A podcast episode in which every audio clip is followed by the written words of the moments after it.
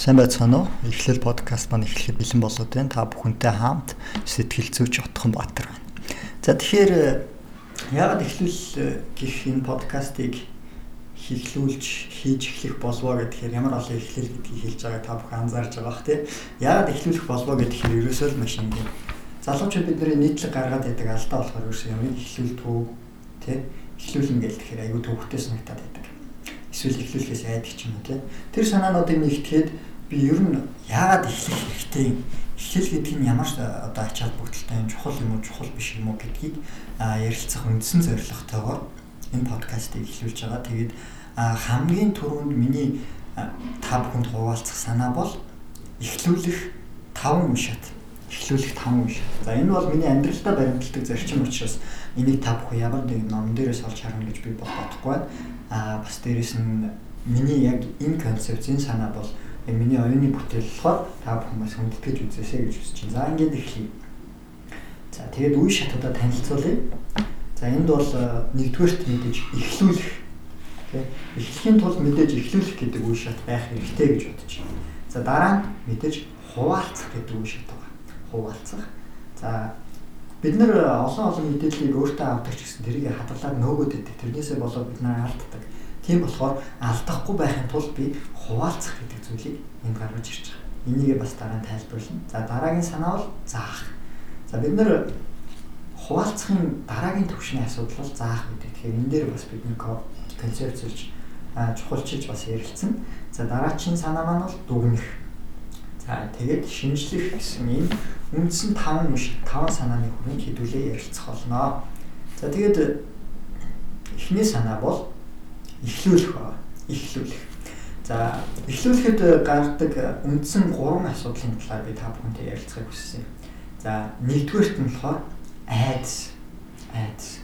За бид нар ерөнхийдөө ямар нэг юм эхлүүлэхдээ өргөж бяцхан айдастай явдаг тийм хин нэг намайг юу гэж хэлэх болч юм уу аль эсвэл энийг эхлүүлснээрээ би ямар амжилтанд хүрэх бол эсвэл намайг ийм юм хийгээд байхаар хүмүүс юу гэж хэлэх болооч гэдэг юм маш олон бодол сэтгэлгээд дарамтнаас болоод бид нар асуудлыг өөртөө дууддаг. Нэгээс нь эхлүүлэхгүй байх шалтгаан нь айдас байдаг гэсэн үг. За үүний дараагийн бас нэг шалтгаан юу вэ гэхээр залхуурал.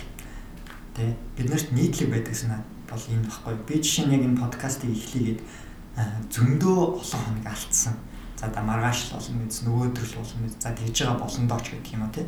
Тэгж бодсоор байтал нэг мэдгэтэл аль үжээ тий 2 3 хоног өнгөрцөн би тэгсэн чи юу ч хийгээгүй байж жишээтэй. За тэгэхээр хамгийн түрүүнд бид нар ерөөсөө зөрөгтэй байх хэрэгтэй. За тэгээд үүний дараа гурав дахь шалтгаан бол мэдээж бусдын нөлөөлөл.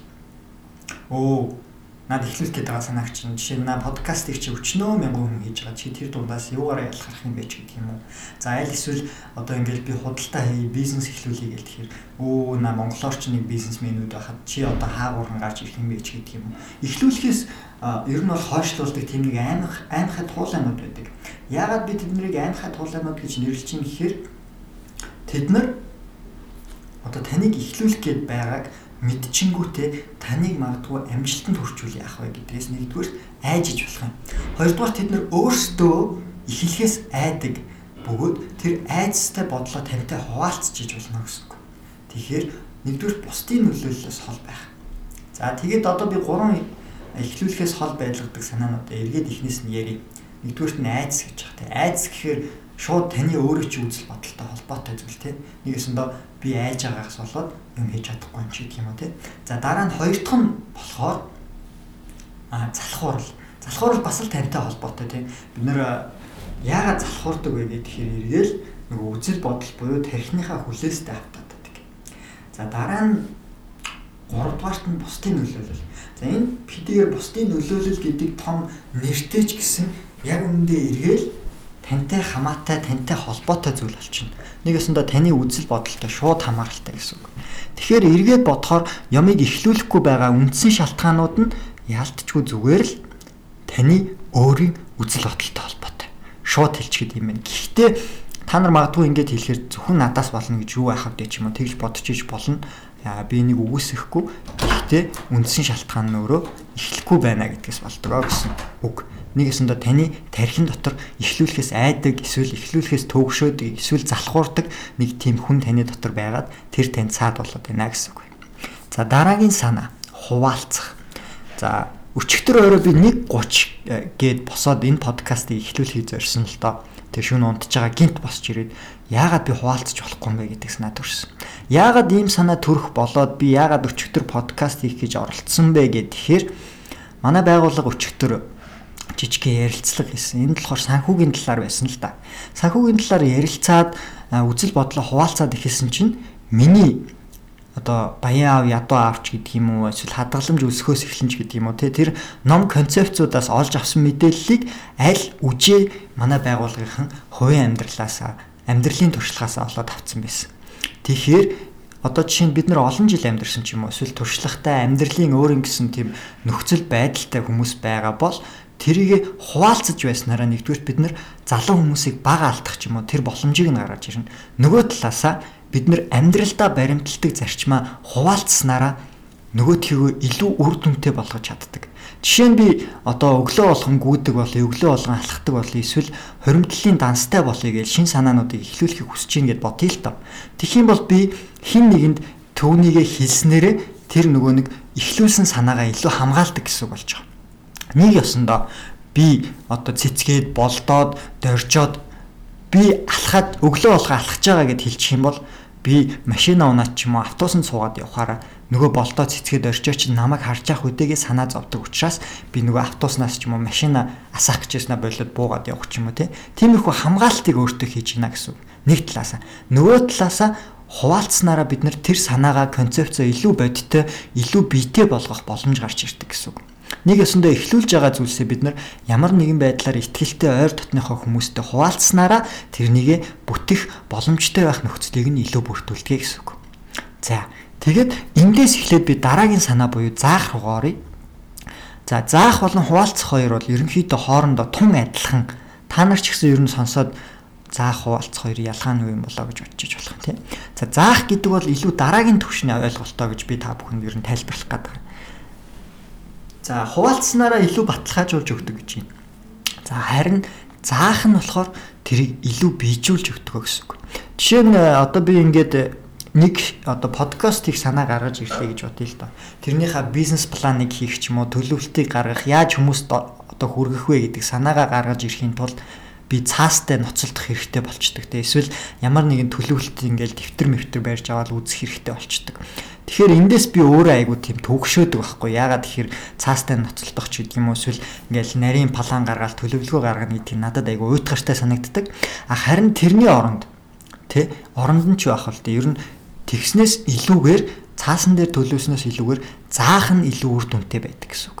За мэдээ заахын тулд би төлөвлөх хэрэгтэй болно. Харин яагаад заах нь илүү үр дүнтэй вэ гэхээр би зааснараа нэгдүгээрт нөгөө нэг асуудлуудаа төлөвлөж байгаа. За дараа нь нөгөө асуудлуудаа хэрэгжүүлэхэд надад ямар ямар асуудлууд гарч болох вэ те шинээр эхлүүлж байгаа санаагаа хэрэгжүүлэхэд надад юу тулгарч болох вэ гэдгийг би эргээд бодоод түүндээ анализ хийх боломжийг надад одоо нөгөө нэг заах гэдэг энэ концепт маань олгодог. Тэгэхээр би ямар нэг юм эхлүүлээ шинийг нээ хэрэгжүүлээ гэж бодох юм бол хамгийн түрүүнд заана гэдэг энэ шатыг хэрэгжүүлэхийг хүсдэг. Тэгээд чинийг хийдэг, хэрэгжүүлдэг, төлөвшүүлдэг, өөртөө ашигладаг гэсэн үг. За тэгээд үүний дараа миний ярих сэдв агуулга бол одоо дүгнэх. За миний оюутан байхдаа гаргадаг байсан нэг алдаа бол айгу дүгнэлт муутай байна гэж айгу багш нараас ч юм уу эсвэл ойр дотны ментор зөвлөгчүүдээсээ сонсч байсан л доо. Тэгээ дүгнэлт чи айгу муу байна. Чи энэ асуудлаа зөв дүгнж чадахгүй штэ гэдэг ч юм уу. Тэр тийм зүйлийг айгу их сонсдог байсан. А тэгээд тэрнээсээ улбаалаад би ямар ч асуудал байсан те шинээр ихлүүлсэн санаа байсан ч тэр эсвэл ажлын томоохон төлөвлөгөө план байсан ч тэр энийг би өөрөө дүгнж явах хэрэгтэй байна. Би өөрөө эндээ үнэлэлт, цэгнэлт, дүгнэлт хийж явах хэрэгтэй юм байна. Ядаж нэг удаа эргүүлж хараад нэрээ энэ дээр маань ямар санаа гарлаа гэдгээ дахиад нэг харж явах, шинжилж явах хэрэгтэй байна гэдэг агуулга. Тэгээ бид нэр шинжилснээрээ дахиад нөгөө нэг шин концепт, шин санаадаа өөрийн гэсэн шинжилэлт боломжууд нөөцийг олж хардаг.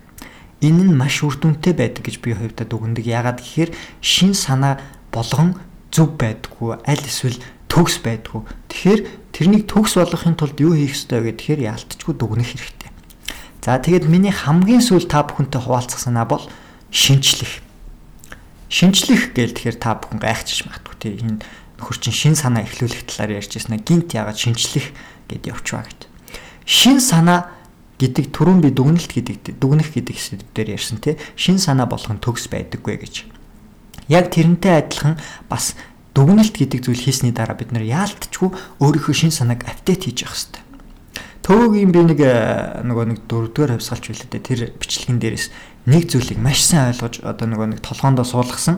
Өмнө нь магадгүй өөр номноос уншижсэн ч байж болно л да. Гэхдээ тэндээс надад илүү ухаарл авч үлдсэн. Тэр нь юу вэ гэхээр өөрчлөлт гэдэг бол хамгийн тогтвортой зүйл гэж байгаа.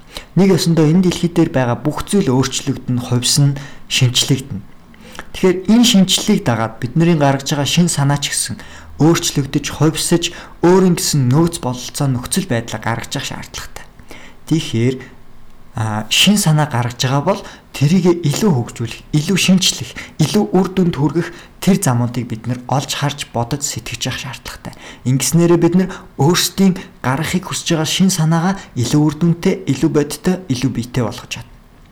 Тэгэхээр миний та бүхэн зөвлөх зүйл бол эхлүүл Тэгээд ихлүүлсэн санаагаа бусдад хуваалц зарал. Аа тэгээд тэр ихлүүлж байгаа санаагаа бусдад заа, бусдад амьдралд нь дэмжлэг болох тэр зүйлсийг өг. А дараа нь тэрнийгээ дүгнэ. Үнэхээр энэ зөвхөн надад хэрэгтэй зүйл байна уу эсвэл нийгэмд хэрэгтэй бүхэнд хэрэгтэй санаа байна уу гэдгийг дүгнэх хэрэгтэй. А тэгээд магадгүй багахан алдаа юм уу өөрчлөлт хийх зайлшгүй шаардлагатай зүйл гарч ирж магадгүй. Тэр тохиолдолд бид нэр дахиад санаагаа орхих биш харин яаж хэрэгжүүлж болох вэ? Яаж шинчилж болох вэ гэдэг тэр санаан дээр илүү төвлөрч ажиллах хэрэгтэй гэсэн үг. За тэгэхээр миний та бүхэнд өгөх шинжилэлт эхлүүлэлт буюу одоо эхлэл подкастын маань хамгийн ихний эпизод эхлүүлэх арга барилын 5 шатлал гэдэг зүйлийг та бүхэнд би өөрийн зарчмаасаа хуваалцлаа. Хэрвээ таалагдах юм бол subscribe хийгээрэй. Бүгдэнд нь баярлалаа. Peace.